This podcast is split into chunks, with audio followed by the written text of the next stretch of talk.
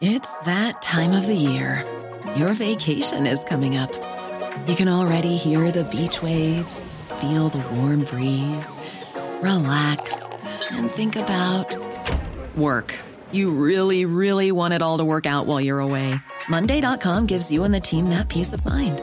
When all work is on one platform and everyone's in sync, things just flow wherever you are. Tap the banner to go to Monday.com.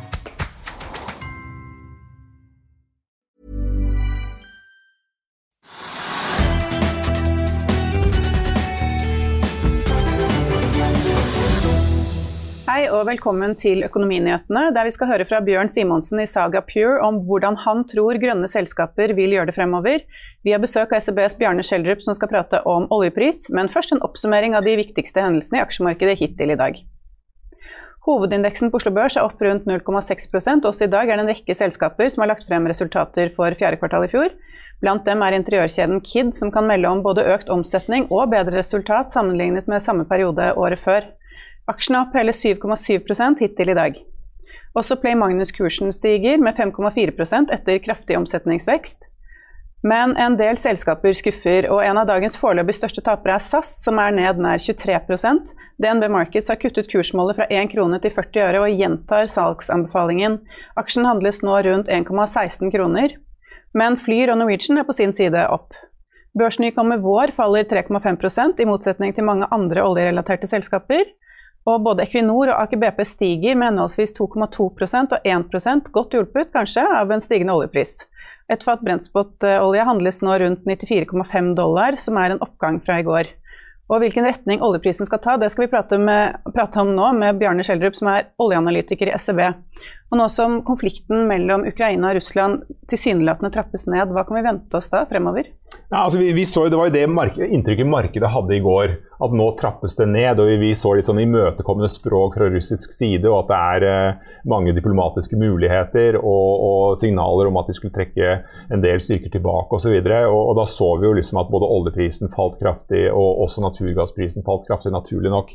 Men, men så ser vi jo da at, at både naturgassprisen hopper opp med type 5 i dag, og, og oljeprisen også tilbake kanskje 1-1,5 um, og, og det er jo liksom i den innsikten at nei, vi har ikke fjernet risikoen for innovasjon. Og, og dette har jo vært et spill fra Putin helt siden uh, uh, i høst, at, at, det er et mål å ha en høy oppfattet risiko og en reell risiko for en invasjon, slik at man kan komme til en ordentlig løsning og en forhandling med Vesten, med EU, eh, e Nato og USA, og tvinge dem til forhandlingsbordet og akseptere en løsning som Russland, kan leve med. Og, og, Fortsatt så har vi jo ikke en løsning. Så at, sånn sett så er det påkrevet for Russland å holde trykket oppe. og Så ser vi jo da uttalelser fra Stoltenberg i dag om at nei, nei, nei, det er ikke noe nedtrapping å, å snakke om. Men hvorfor er egentlig dette her så veldig viktig for oljeprisen? Verden er jo stor. Verden er stor, um, men um, altså, hele, hele, energimarkedet henger i hop. Altså, hvis du ser på, på olje, kull og gass, så er det jo Alle tre er jo energi, og, og, de er i en større eller mindre konkurranse med hverandre. Naturgass konkurrerer med kull eh, i kraftsektoren, og, og, og, olje konkurrerer med naturgass på mange områder. Både i petrokjemi, innen raffinerier, bruk av energi. altså Raffinerier bruker masse naturgass f.eks. Og hvis da olje koster 50% mindre enn naturgass, så bruker du selvfølgelig olje istedenfor. For alle raffineriene har jo tilgang på oljeprodukter, som da plutselig er mye billigere enn å bruke naturgass. Industrien bruker masse, masse eh, naturgass i prosess og, og i varme. sånn at hvis du da plutselig ser at, at det er billig med, med, olje i relative termer altså Vi syns jo en oljepris eh, selvfølgelig er, er høy på, på 90-95-96 eh, dollar, men sett i forhold til hva naturgassprisen er, på type 140 og 150 dollar per fat oljekvalenter, så er jo plutselig oljen billig. Så, så jeg tror en av grunnene til at vi har en så veldig sånn sterkt marked på olje, eh, med sterkt fallende lager og en veldig sterk prisoppgang siden eh, rett før julaften, eh, det er nok også grunnet i at vi har en vedvarende signifikant mye høyere gasspris enn oljepris. Som da skifter konsumet bort fra det som er dyrt og over til det som er billig. Og Det gjelder både i retning av mer kull og i retning av, av mer oljekonsum istedenfor gass. Og så ser vi da Kullprisen er nå tilbake på, på, på veldig høye nivåer. Jeg snakker om eh, Australsk kull er nede på, oppe på 240 dollar per, per, per tonn, mot normalt 80. Men ehm, eh, hvis vi ser på dette her med gass, da, så er Russland en stor eksportør av gass. Men hvorfor holde, altså, frykter man at de skal holde igjen det da, hvis det blir en krigssituasjon? Det er derfor prisen stiger? Altså, at, marked, altså at tilbudssiden skal bli lavere, da, rett og slett? Ja, altså det, er en, det, er, det, er tre store hovedlinjer med naturgass. Altså for det første så må man jo si at, at naturgassen fra, eh, fra, Russland til EU utgjør noe sånn som 45 eh, av all naturgassimport. Så det er enormt mye. Og, og, det dekker eh, to femtedeler av gassen som konsumeres i EU, dekkes av Russland. Så dette er jo et ekteskap. Altså, EU, Europa har, har, giftet seg med Russland når det gjelder energi. Både gass og olje, men også en del kull. Så, at, så at liksom, det man er redd for, er jo at det skal bli en, en, en stygg skilsmisse her. Og, og, Det er liksom da tre hovedkanaler denne naturgassen går til EU eh, e på. Det er eh, gjennom eh, Østersjøen, der hvor vi har den såkalte Nord Stream 1, hvor vi også har bygget en ny en som heter eh, NS2, som, som, er klar til å bruke, men ikke satt i, i operasjon ennå. Og så har vi eh, pipeline som går via Polen og, og, til Tyskland, og så har vi via Ukraina. Og, og Ukraina er særdeles viktig, en, en, stor transportrute for naturgass til, til EU. Og, og det er klart at hvis det ble en full invasjon, så vet man aldri helt hvordan det blir. Altså, det er jo en, en gammel sånn ordtak med Mike Tyson hvor han sier liksom sånn alle har, en god, alle har en plan helt til de får seg en midt i trynet. Eh, og Det er litt sånn med en krigssituasjon også. Altså, I det øyeblikket bomber og kuler begynner å fly veggimellom, så er det helt uforutsigbart. Og én ting er at det er en er en betydelig risiko for at, uh, at, pipelines blir ødelagt. Både oljeledninger og gassledninger. Sånn at det liksom rett og slett ikke er mulig å få den gassen uh, til, til, Europa og EU. Uh, en annen ting er jo at, at, hvis det ble en full invasjon, så, så er det klart at du fikk enorm, for enorme sanksjoner på alle områder fra EU og USA mot Russland. Men da også ditto gjenresiproke gjen, gjen, sanksjoner fra Russland mot EU. Så da, da, snakker vi jo liksom energy starvation. Da sulter vi jo energi. Hvis det bare blir et sånn, litt sånn mindre event, så, så mister vi antageligvis spot-volumene, som er under, rundt en tredjedel av eksporten fra Russland, er spot. Og de lever vi for øyeblikket uten. Per i dag så får vi bare kontraktvolumer og ikke spot-volumer. Eh, men ved en liten invasjon, så f.eks. At, at Russland tar eh, Donetsk og Luhansk på den østlige delen av, av Ukraina, som, hvor det har vært stridigheter helt siden 2014, når Russland annekterte eh, Krimhalvøya. Da vil det bli sanksjoner, og da vil vi fortsette å leve uten disse spotvolumene. Men det klarer vi akkurat. Det blir liksom høye priser. Ehm, jeg tror Hvis du ser hvordan markedet priser akkurat nå, så priser det en liten risiko for en full invasjon. Altså Vi vet at det blir en enormt høy pris for Russland å gå til full invasjon av Ukraina. Men så vet vi ikke egentlig hvordan Putin tenker. Tenker han som en, en, vestlig politiker hvor han er opptatt av opinionen i Russland, at det går bra med russisk økonomi osv.? Eller tenker han som en tsar, hvor det er liksom plikten til russisk befolkning er å, å lide for, for liksom, suksessen til Russland som, som stormakt? Ja, Det er vi liksom ikke helt klar over, men, men hovedantagelsen både hos oss selv og også markedet er at han, han, er avhengig av public opinion og den russiske økonomien, og ikke minst eh, energiøkonomien med stor eksport fra Russland. Ikke sant? Og Ergo så er prisen veldig høy for en full invasjon. Det er i hvert fall det man tror, men man vet jo ikke det helt. Så, så jeg tror sannsynligheten for en full invasjon den er sånn type antatt å være kanskje bare 5% i markedet. Men så er det en relativt høy sannsynlighet eh, og risiko for at han tar, tar for seg av de østlige republikkene i Ukraina. Og så er det veldig sannsynlig at, at, vi faktisk får status quo med ingen spottvolumer til EU. Eh, e inntil vi har en, en, en tilfredsstillende avtale med Russland, Nato, EU og USA. Så, så, Sånn sett så kan det ikke deeskaleres. Men det er timeline som betyr veldig mye her. Um, og Man snakker om at Ukraina er jo verdens femte største korneksportør. Det betyr også at de har sinnssykt god jord. Veldig gode dyrkingsforhold. Og, og, da snakker man det som man kaller for, for black earth. Uh, og i det øyeblikket uh, det tør, og det smelter, og det blir varmt i bakken, så blir det bare gjørme. Og, og, temperaturen, normaltemperaturen går da over null i slutten av uh, februar i Ukraina. Og da blir det gjørme alt sammen. Så at, sånn sett så, så, har han jo bare 14 dager på seg til å gjøre en full invasjon før han, disse tanksene kaver rundt i gjørma uh, inn mot, uh, fra Russland og innover i Ukraina. Så, så, dette er liksom the window of opportunity som gjør at alle er redd for at det skjer en full invasjon akkurat nå i nærmeste tiden, før det blir for varmt og, gjørmete. Jeg tenker kanskje med dryss av litt tsar på toppen av uh, å være en slags vestlig politiker. Ja, ikke sant. Så, så, det er der vi ikke helt vet. Har han blitt en tsar hvor liksom uh, han har undersåtter og deres plikt er å lide? Det er jo liksom sånn der, Hvis man tenker tilbake til første verdenskrig, hvordan generalene tenkte på sine soldater, så var det typisk sånn statement that your duty is to die. Altså, man tenker på en helt annen måte om sine undersåtter eller sine Men, men, eh, vi, vi, tror jo at han er sensitiv til public opinion og, og økonomien. Og, og, vi vet jo at, at, Putin har lagt veldig mye arbeid ned i energiøkonomien til Russland som en stormakt for, for energieksport. Og, og, det er nok mye spill her også knyttet til disse lange kontraktene. Altså, EU har jo tatt mål av seg for å ha nullutslipp i 2050 skal trappe ned på bruk av kull og gass og olje, hva det skal være, tutti-tutti, og gå for en grønn økonomi, og alt skal elektrifiseres, og sol og vind. Så sånn sett så, så, er det veldig vanskelig for, for, EU eh, e nå å kommittere seg til lange kontrakter på gass. Det går litt, litt sånn imot hva de er ute etter. Eh, men Russland derimot, de ønsker jo nettopp at EU skal kommittere seg til lange kontrakter. Og, og det har jo litt med å gjøre at, at man sier gjerne at, eh, at liksom, hvis oil is, is like dating, then gas is like marriage. Og Det er jo fordi at det er klønete å eksportere naturgass. Altså du skal tenke deg, altså Det er bygget olje, nei, gassledninger helt fra nord i Sibir liksom, hele veien gjennom Russland til Europa. Altså Det koster milliarder på milliarder å bygge disse pipeline. Og, og Derfor er det liksom historien rundt naturgass så er det et, liksom et, et 30-40 års handshake. Det er et ekteskap hvor da produsenten sier greit nok, vi kan produsere det, vi kan bygge pipeline, men dere må kommentere det til å kjøpe det de neste 30-40 årene.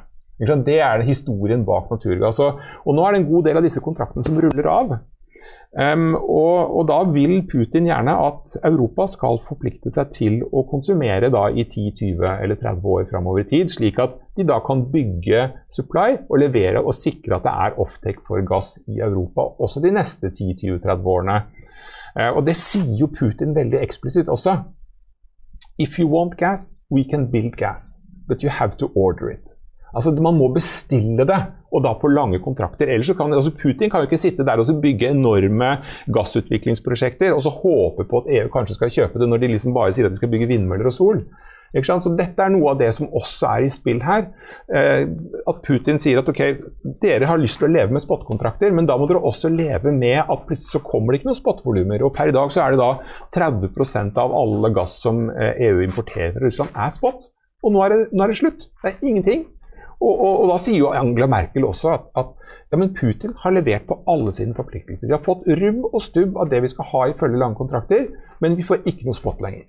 Så dette er jo også et spill her på siden av Ukraina, hvor da Putin prøver å, presse EU til å, å, å, kommittere til lange kontrakter, snarere enn bare å leve fra hånd til munn på spotkontrakter som er høyst uforutsigbart.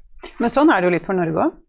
Vi er ja. også avhengig av langsiktige langsiktig innkjøp? Ja, ja langsiktig innkjøp, men, men, Norge går jo da bare på spotpris. Stort sett. Altså Alt som er eh, av, eh, av, gass som selges fra Norge, er på spotpris. Og per i dag så er jo det helt fantastisk. Altså Vi tjener jo sinnssykt mye på, på salg av gass, hvor gassprisen er da altså, vi, altså på et punkt rett før jul så, altså, så, var da gassprisen i Europa i Nederland altså den var på 350 dollar per fat oljeekvivalent. Altså, vi har aldri sett en oljepris tilsvarende nivå. Eh, og gassprisen var jo da på dette nivået. Men, mens nå har den ligget ganske stødig på en 140-150 eh, oppi 160 dollar på fat oljekvalenter, med leveranse i snitt, forward-kurven, på denne prisen for hele 2022 til og med første kvartal 2023. Så markedet nå sier at høy risiko for at vi ikke slipper ut av denne knipen før etter første kvartal 2023. Det er det markedet priser inn nå. Og så falt det jo kraftig da i går. Men denne knippen, da tenker du på i gassmarkedet, eller tenker du på da eh, Russland-Ukraina-konflikten? Nei, i gassmarkedet tenker nok altså Markedet priser bare ut fra, gassmarkedet, men, men, det de da priser er egentlig at de ikke får noen spotvolumer å snakke om eh, i året som kommer fra Russland. Vi, vi må klare oss med, med de kontraktuelle volumene, og så håpe på at det blir masse vind og mye sol, sånn at vi ikke trenger å bruke så mye gass. Og så må vi importere LNG det remmer og tøy kan holde, og håpe at Asia brenner mer kull, slik at vi kan brenne mer gass. Og så må vi også brenne litt mer kull. Og så får vi se hva, hva, hva Tyskland gjør med kjernekraftverkene sine. da. Om, om, de skal stenge dem sånn som planlagt, eller om de holder dem litt levende litt lenger. Men det er jo mange som, eller sånn som i aksjemarkedet, så mener man jo at denne konfliktsituasjonen den eh, kommer jo til å bety så veldig mye på litt lengre sikt. da. Altså sånn Om en måned eller to så er det jo andre ting som opptar aksjemarkedet. Men det virker jo som energimarkedet eh, er mer avhengig av den.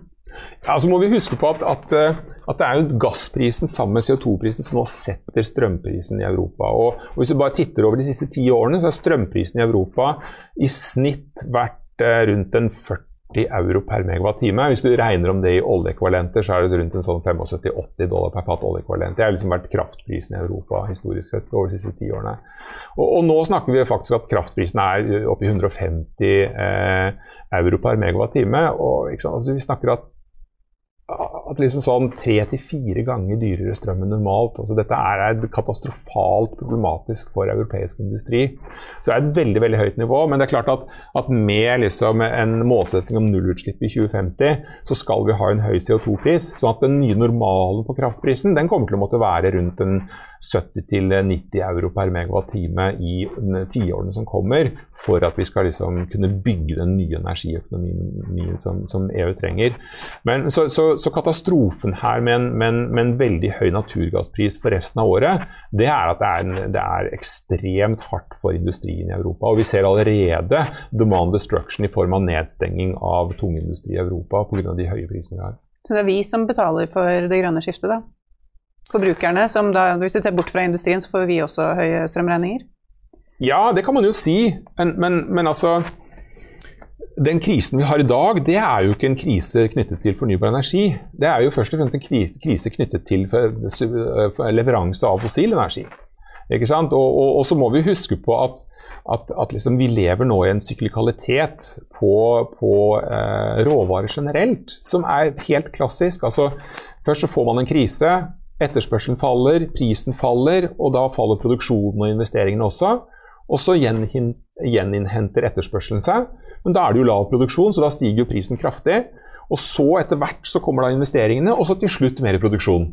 Så at liksom, Du får en sånn berg-og-dal-banebevegelse i etterspørselen, som, hvor da tilbudet prøver å holde følge, og så får du store svingninger i prisene. og Det er der vi lever akkurat nå. Og, og Hvis vi tenker på 2020, altså i snitt så var eh, olje-, kull- og gassprisene 30, 40 og 50 under normalt for hele året 2020. Så vi har hatt en dyp syklikalitet bak oss, nedtur i fossil energi. Og man stengte jo produksjon, altså OPEC pluss stengte jo masseproduksjon. ikke sant? Og, og Shale Oil kuttet investeringene big time. For oljeprisen var nede i sånn 2018? Ja, ikke sant? Og, ja. ja, ikke sant? Og, og, og, til og med VTI-prisen var jo negativ minus 37 dollar på et øyeblikk ikke sant? i Cushing, Oklahoma, som er et veldig sånn lokalt punkt. da. Men, men brentoljen var jo under 20 dollar, ikke sant. Så, og, og, i snitt så var det sinnssykt lav oljepris gjennom hele året. Så, så, det er klart at da kuttet man jo investeringer, og det var liksom i uh, alle steder. Inklusive Shale, og inklusive OPEC også. Vi ser på Ring County i Saudi-Arabia, den falt som en stein. Ikke sant? Så, så, så, og så kommer da etterspørselen tilbake, og da kommer prisene først, og så kommer et supply etterpå. Ikke sant? Så vi lever jo dette er jo en, så nå lever vi jo i en Oi, der var den falt ned, akkurat som vi snakket om i sted. Um, så, så, vi lever jo i denne syklikaliteten som ble skapt i covid-19. Og, og, dette er jo en, en fossil berg-og-dal-bane som vi lever i. Så det er jo egentlig ikke knyttet til noe katastrofe knyttet til, eh, til fornybar energi. Um, men konsekvensen av dette her blir for det første at de høye fossile prisene gjør at vi bygger mye mer fossil supply. Vi får mer kull, vi får mer gass, vi får mer olje. Og så roer det seg ned igjen. Og, og, det ser vi jo nå. Nå ser vi jo en sterk akselerasjon i, i skiferoljeproduksjonen. Altså, rig count gikk jo opp med 19 rigger eh, forrige uke. Til 516 rigger omtrent. Så vi trenger fortsatt en 150-175 rigger til. Men det får vi i løpet av en ti ukers tid med litt fart. da. Så er jo det plutselig på plass igjen. Så, så at, nå ser vi at, at skiferoljeproduksjonen i USA den er jo bare en, en, en, halv million fat under der den var på peaken før katastrofen. Så den gjeninnhenter seg kraftig. da, ikke sant? Så, sånn at, eh, men en annen effekt, i tillegg til at vi da kommer til å investere mer for å produsere mer kull, olje og gass, det er at vi kommer til å produsere og akselerere investeringene i fornybar energi voldsomt. Og, og, jeg tror det som er på topp, det som er liksom um, front of top of mind liksom, rundt hele verden, det er security of supply. Sikre har vi nok gass, har vi nok kull, har vi nok olje, har vi nok uh, råmaterialer. Fordi prisene har blitt så høye. og det er klart at liksom, Tenk deg Kina hvis de skulle konsumert like mye olje per capita som man gjør i Europa, det er ca. ti fat olje per innbygger, så skulle altså Kina konsumert 40 millioner fat per dag i dag. Um, og Det er jo da 40% av all olje i hele verden. Og USA konsumerer 20, så da har du gjort unna liksom 60% av oljekonsumet bare på Kina og USA. Hva da med resten av verden? Og så vet du da Kina at, at denne oljen den kommer da hovedsakelig fra Midtøsten. Så hvis det blir krig i Midtøsten, hvis Kina gikk den veien og sier ok, vi går liksom veien eh, mot oljeavhengighet, for det kan jo aldri produseres innomlands i Kina, så det blir liksom en, et ekteskap mellom Midtøsten og Kina. Så går vi da på 40 millioner fat liksom en del tiår fram. Blir det da krig i Midtøsten, så stopper Kina. Dette er ikke noe som Kina kan leve med i det hele tatt. Det er en av de sterke motivasjonene for elektrifisering av transport i Kina. Vi går for sol, vi går for vind, vi går for kjernekraft. Uh, og vi går for elektrifisering av transport. Dette er en helt nødvendighet for Kina rent strategisk og, og, og, og sikkerhetsmessig, sånn geopolitisk sikkerhetsmessig. Security, supply. Og vi kommer til å se det big time i Europa. Altså Hvis vi da ser på prisen, cost break even på, på sol i Europa i fjor uh, i snitt Spania, Portugal og, og, Tyskland var på 35 euro per megawattime. Altså dette er under disse 40 euroene som markedsprisene har vært de siste ti årene. Så per dag, eller så i fjor, da, så kom vi da altså under spotprisen i kraftmarkedet. Sol er blitt billigere enn bare spotprisen. Og, når jeg snakker om spotprisen, så er det fordi at, at, veldig mye av den kraftforsyningen som man har bygget i Europa, den bygget man jo liksom for 30-40 år siden, så det er gammelt. Så alt som heter Capex er jo betalt ned. Så vi, betaler en, vi har hatt en sinnssykt lav eh, elektrisitetspris i Europa fordi Capexen er nedbetalt, og vi betaler stort sett bare OPEX um, er short run marginal cost. ikke sant? Um, mens vi skal bygge kraftforsyning, ny kraftforsyning, være seg kull eller, eller, gass eller hva det måtte være i resten av verden, så betaler jo fort liksom 70-80 euro per megawatt-time cost break even for å også klare å dekke CapEx-spendingen. da eller CapEx-kosten. Så at det å tenke seg en kraftpris på, på en rundt en 70-80-90 eh, euro per megawatt-time når vi skal ombygge hele energisystemet i EU, det er ikke spesielt dyrt egentlig. Men det er klart at i det perspektivet så blir sol sinnssykt billig. For Den nye kraftprisen i Europa kommer til å ligge i det nivået rundt 80 euro per megawatt-time, selv etter at, at, gassprisen har normalisert seg. Og da blir jo, altså Det blir jo en pengemaskin å, å, å bygge sol til 35 øre per megawatt-time eh, mot 35 euro per megawattime mot en markedspris på 80. Um, så er det selvfølgelig masse utfordringer med sol, og den er bare om dagen, og du må ha batterier og sånt. Men det er en annen sak at, at liksom markeder er jo reaktive. Først er det profitabelt å bygge sol, så bygger man masse sol, og så blir energisystemet ustabilt, og så bygger man masse stabilisatorer. Sånn er det jo. Det er ikke så velplanlagt. Man bygger inntil det blir et problem, og så løser man problemet. Um, men nå har vi da en enormt sterk motivasjon, i tillegg til disse her sterke økonomiske insentivene om å bygge fornybar energi, som nå er liksom deep in the money med de nye kraftprisene, som man ser kommer til å måtte være der over lang tid. Men i tillegg så har man en, en sinnssyk politisk motivasjon i Europa. Altså Dette energiekteskapet som vi har med Russland, det er jo plutselig blitt helt uholdbart. ikke sant? Altså at, at Russland kan tvinge fram denne type forhandlinger og stå liksom med, med gevær i hånden og, og liksom tvinge fram en løsning og, og, og sånt noe i redsel for å mangle energi i Europa. ikke sant? Så, så dette, nå får vi da både sterke økonomiske insentiver uten subsidier, men vi kommer også til å doble de politiske insentivene. Folkens, nå må vi bare bort fra denne avhengigheten av Russland. så så fort som mulig, for dette kan ikke leve, med. Så, så, jeg tror at, at veksten i, i, fornybar energi kommer til å bli bare enda mye mye mer sterkere enn det vi har sett eh, så langt, av de to grunnene. Men uh, jeg har sett uh, altså Tilbake til oljeprisen. Da, så så jeg det er noen som tar til orde for at den kommer til å stige over 100 dollar fatet. Du har vært litt mer skeptisk til det? Ja, altså Vi har en, en forventet pris på, 80, på 85 dollar per fat i første halvår. Og, og, da, og, så langt i år så har den i snitt vært 86 dollar, tror jeg. Sånn liksom, sånn sett, i hvert fall med historikken, men nå er jo prisen 10, 10 dollar høyere. Men hvis du på hvis du da bare ser på støyen rundt en sånn eh, pris eh, over et halvt år, så, så, har du en naturlig volatilitet som gjør at man må se 100 dollar eh, i løpet av den perioden. Og Det er også noe vi har sagt veldig klart, at liksom, bare det å ha en forecast på 85 betyr at vi nødvendigvis kommer til å måtte se 100 i løpet av, av den første halvåret. Um, men vi trodde da tidligere at gassprisen faktisk skulle falle etter første kvartal. At dette først og fremst dreide seg om en vinterrisiko. At vi skulle få en normalisering. Og, og det er jo Nå er jo på en måte liksom outlooken blitt eh, veldig tilspisset knyttet til Russland. Blir det en konflikt eller blir det ikke en konflikt? Og blir det en konflikt, så plutselig så mister vi også olje fra Russland. Og vi mister masse gass. Og begge blir høyere. ikke sant? Så at eh, hvis vi da isteden får en løsning Vi snakket om dette her, hvordan ser dette her ut liksom to-tre måneder down the road. Og, og, akkurat per i dag så tror vi at sannsynligheten for at vi plutselig får en signifikant deeskalering, eh, og at liksom alt løser seg, den sannsynligheten er veldig lav på kort sikt. Men hvis du tenker deg neste fire-fem månedene da, fram til midten av året, så ser vi liksom at, at da tror at det er en veldig høy sannsynlighet for at vi faktisk får en eller annen form for løsning. Fordi Det er jo ingen som i det hele tatt tror at Ukraina eh, skal bli Nato-medlem, f.eks. For, for bare å ta det elementet. Og, og, og, Nato vil det ikke. Og den eneste som på en måte har lyst, er jo egentlig Ukraina selv. Eh, sånn at, så jeg, jeg tror at vi kommer til en løsning i løpet av før vi kommer til midten av året. Og Da kan det hende at vi kanskje også får spotvolumet, men jeg tror nok også at Europa må forplikte seg til en del lengre kontrakter. Men da kan du plutselig få løst mange floker eh, eh, fram til midten av året. Og vi ser nå også eh, at Iran er jo åpenbart veldig ivrig etter å komme tilbake i markedet. Eh, og vi har fått veldig positive signaler for at det kan skje. Da får du en halv million fat eh, olje mer i markedet i løpet av eh, ja, bare noen måneder. Um, hadde jeg vært i Iran, så ville jeg selvfølgelig også prøvd å komme i havn med en, en, avtale når oljeprisen nesten er 100 dollar. Og, og, med risiko for at den neste presidenten er republikansk, så har de kanskje bare et vindu på et par år å produsere, så la det i hvert fall produsere nå, som vi har 100 dollar.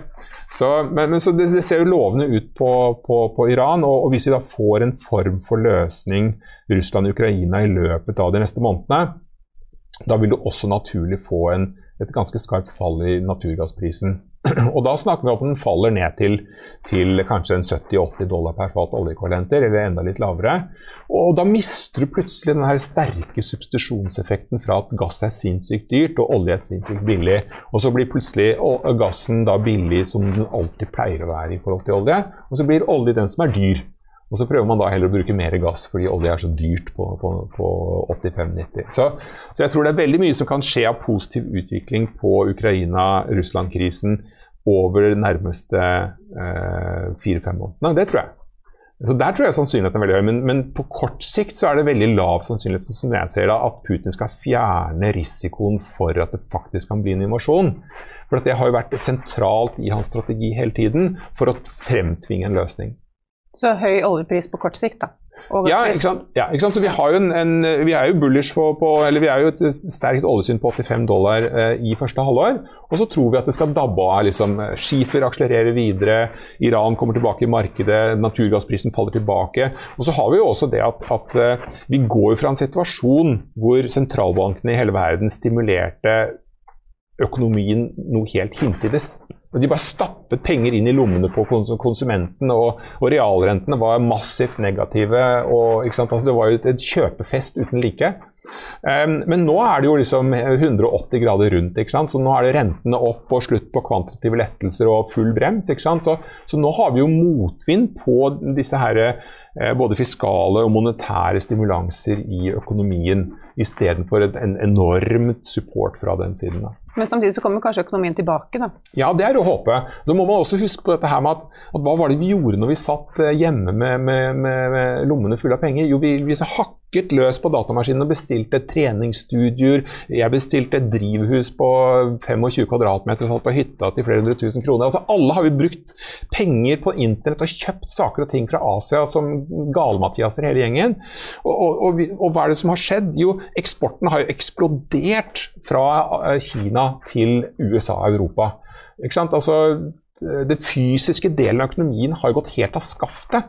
Fordi ingen brukte en krone på restaurant eller ferieturer, og alle brukte alt på helsestudioer som de bygget i kjelleren. Og interiør. Og, interiør, og gud, det var nye sofaer, og uh, jeg kjøpte meg en dyr bil. Og, altså, liksom, over stokk og stein, ikke sant. Så, så den kom ut av slutt. Så vi, vi har liksom nærmest altså, Eh, vi har jo strukket det fysiske produksjonsapparatet av varer til bristepunktet. Altså Normalt så, så vokser jo liksom vareproduksjonskapasiteten kanskje med halvannen prosent per år. Så det er Såpass øker liksom fabrikkmengden av alle mulige ting. Og så plutselig så hopper da etterspørselen etter, etter consumer goods eh, hopper over indeksen med liksom 10-15 så Plutselig så spør du liksom hele verdens produksjonsapparat om å øke med 10-15% samtidig som alle som skulle jobbe i disse fabrikkene, de har gått hjem pga. covid-19. ikke sant? Men de har også penger, så de bestiller også varer fra de fabrikkene som ikke lenger er bemannet. ikke sant? Så vi har jo hatt en helt hinsides heisatur med stimulanser og, og, og, konsum av eh, varer. Så nå kommer vi til å bevege oss mer, mye mindre stimulans. Um, og bevege oss mye mer, spise på restaurant istedenfor å, å bestille saker og ting på internett. Så liksom roer det seg også den, den biten. Men vi har også brukt veldig mye strøm da, når vi har sittet hjemme. Ja, og ikke minst Kina har jo brukt sinnssykt mye strøm. Altså Deres konsum av strøm eksploderte jo i 2021 fordi de skulle produsere alt dette her. Og hva er det som skjer når strømproduksjonen og konsumet eksploderer i Kina? Jo, da må de ha mer kull og gass. Og ergo så eksploderte kjøpet av kull og gass fra Kina inn i det internasjonale markedet. Og, og, Kina er jo liksom en elefant i verdensøkonomien. Og, og, og liksom når denne elefanten hopper, så, så får det sjokkbølger i hele økonomien.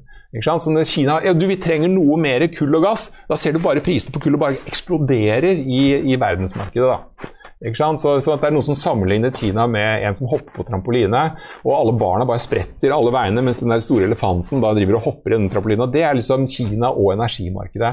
Så, så, hele denne kjøpefesten som vi hadde i USA og OECD-landene, den ble jo da rettet inn mot produksjonen i Kina, som da trengte masse energi for å produsere alt sammen. Som førte til at de trengte masse kull og gass, og de bestilte det i markedet, hvor da kull- og gassprisene bare eksploderte i fjor.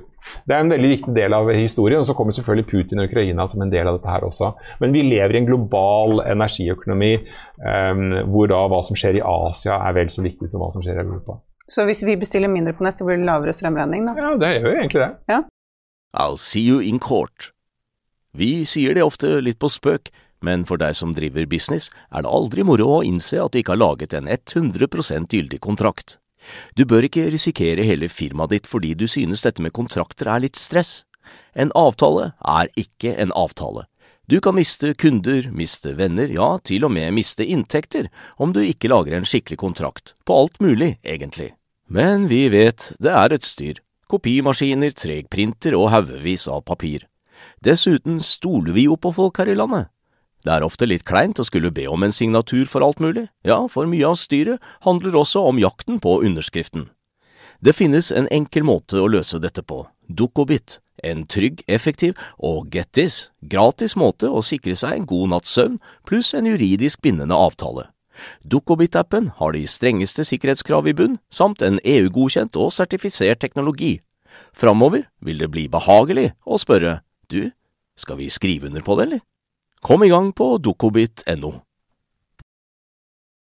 Før vi går videre i sendingen, husk at du også kan se sendingene våre ved å gå inn på fano-tv, og at vi også har andre podkaster enn bare Økonominyhetene, som Morgenkaffen, Gründerpodkasten Veien hit, Ukens vintips, Kunstpraten og bilpodkasten Mil etter mil. De finner du ved å søke Finansavisen, der du hører på podkast. Da skal vi over til en annen som driver med fornybar energi. Da. For Tidligere i dag la Saga Pure frem tall for fjerde kvartal som viser at selskapet sitter med en kontantbeholdning på 800 millioner kroner. Gullalderen for grønne investeringer er så vidt i gang, mener Saga Pure-sjef Bjørn Simonsen. Vi pratet med ham etter resultatfremleggelsen. Bjørn Simonsen, dere har lagt frem tall for Saga Pure i dag. Kan du si litt om hvordan dere følte at fjerde kvartal gikk, og fjoråret? Ja, vi la fram tallene med oss. Vi er kjempefornøyd med, med tallene fra, fra, Q4. Det har jo vært et veldig ryglete år for den sektoren vi investerer i. Og det at vi klarer å, å skape eh, profitt i, i, vår eh, operasjon, det syns vi er veldig, veldig, veldig, bra. Så vi eh, la fram eh, tall på over 90 eh, millioner i net profit, eh, hvorav det var realisert 74 millioner i, i, cash. Så for kvartalet var vi veldig happy, og for hele 2021 er vi egentlig happy òg. Dere sikret litt gevinst i Bergen Carbon Solutions. hvorfor det? Det gjorde vi fordi det har vært en fantastisk investering. Og fordi at vi har og fortsatt eier en veldig stor eh, andel av selskapet. Det utgjør en veldig stor andel av våre, vår investeringsportefølje. Så det er vel en sunn investeringsfilosofi å ta litt eh, profitt. Og vi fikk òg en incoming request fra et kjempestort europeisk fond som ønsker å kjøpe aksjer av oss. Så vi er fortsatt superpositive på, på Bergen Carbon Solutions eh, framover. Men vi så det som fornuftig å, å ta litt risiko. Ja, Så dere planlegger å bli sittende på den eierandelen rundt 24% er det det? Vi forhåndsannonserer aldri eh, våre planer eh, med, eh, i, i, selskapene. Men med det vi har sagt, det at det er et selskap vi har stor tro på. Vi jobber veldig aktivt med selskapet. Eh, og, og, så ser vi hvor, hvor veien tar oss. Eh, dere solgte dere litt ned der, men dere kjøpte dere opp i eh, Horisont Energi. Hva er, hva er planen der? I Horisont Energi der er jo planen eh, den samme. Vi jobber veldig aktivt i det selskapet. Og som du kunne se av den kvartalspresentasjonen vi hadde i dag òg, så hadde vi litt ekstra fokus på ammoniakk. Eh, fordi at vi ser på ammoniakk som et virkelig spennende område framover. Eh, og med den inntreden av E.ON i Horisont Energi, syns vi det er et mye mer interessant case òg enn det var før. Nå har vi virkelig fått en validering av det Horisont driver på med. Det vi har sett har vært i selskapet, det har de validert. Og da ønsker vi å, øke vår eksponering der. Ammoniakk har jo vært en eh, snakkis litt i året som gikk. Eh, hva er det som gjør at dere er, eh, er litt, har litt troa her? Det er fordi at det, det finnes ikke så veldig mange karbonfrie energibærere hvis du skal frakte energi over store distanser det er ammoniakk, det er flytende hydrogen, basically, som er de to eneste alternativene. Vi har kjempemye tro på begge løsningene, men i og med at ammoniakk allerede er en global commodity, hvor, som du kan transportere i store kvanta allerede i dag, mens det på hydrogensida fortsatt må utvikles teknologi, der vi òg investert, så ser vi på ammoniakk som et virkelig spennende eh, første steg på veien eh, mot, mot totalnullutslipp. Eh, Hyan ble børsnotert denne uka her. Det har jo gått eh, litt trått i starten, men eh, var det som ventet, eller? Jeg tror vi, vi hadde ikke noen spesielle forventninger til den, til den noteringen. Vi, vi forventa stor interesse, det har det jo vært. Og det er jo vanskelig å spå hvordan verdensmarkedet går den dagen en, en noterer noe. Det er en ruglete periode. Vi eh, ser store verdier i Hyon både i dag og, og framover.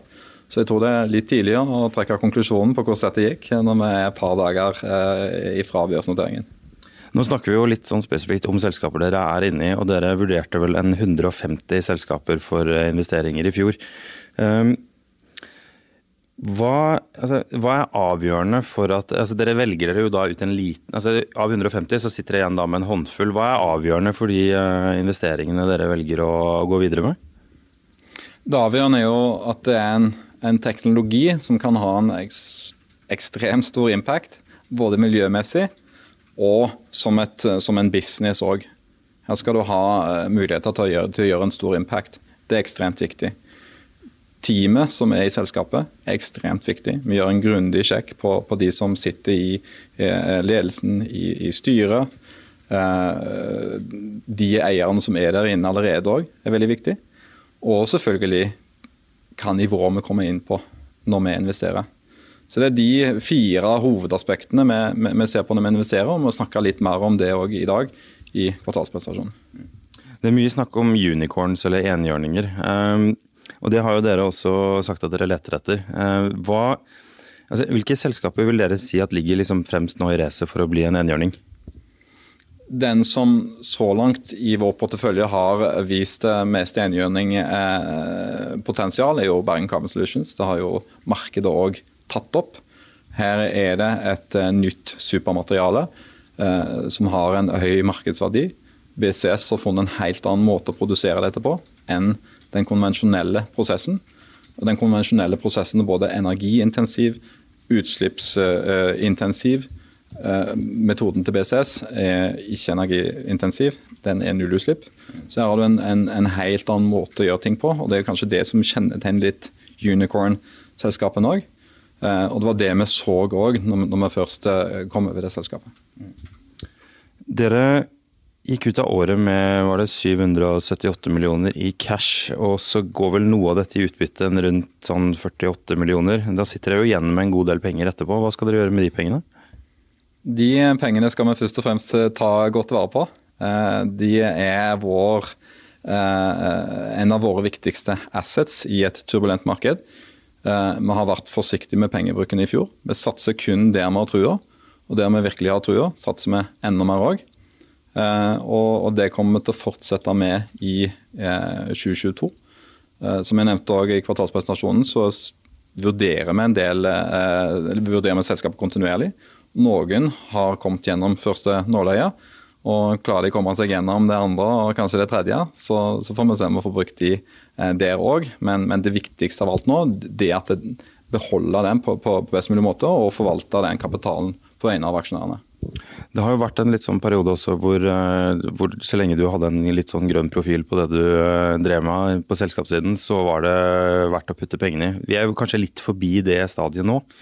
Hva er det som altså For Saga Pure, som er et grønt investeringsselskap, Eh, hvordan eh, sikrer dere dere i en sånn ruglete eh, tid som du beskrev det som selv? Altså, hvordan begynner man nå å skille de gode og de dårlige casene når det nå på en måte blir en litt sånn grønn opprydning samtidig? da?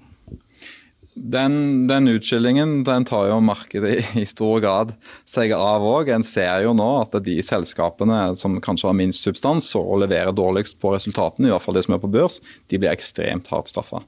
Og Vi ser òg at uh, selskaper som ikke er på børs, begynner å realitetsorientere seg til det prisnivået som, som markedet har ellers. Uh, så, så der, der, vil jeg si at uh, i den posisjonen vi er i nå, med de selskapene vi har investert i, med den posisjonen vi har, så, så er den turbulensen vi ser nå, den, den ønsker vi velkommen. Så er, er gullalderen på en måte begynt eller over for grønne investeringer nå? Den har knapt starta. Og det var det vi hadde for i dag. Vi er tilbake i morgen klokken 14.30. Vi ses igjen da. Ha det bra.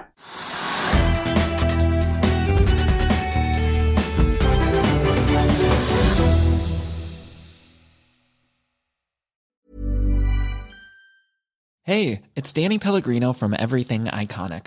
Ready to upgrade your style game without blowing your budget? Check out Quince. They've got all the good stuff shirts and polos, activewear, and fine leather goods, all at 50 to 80% less than other high end brands.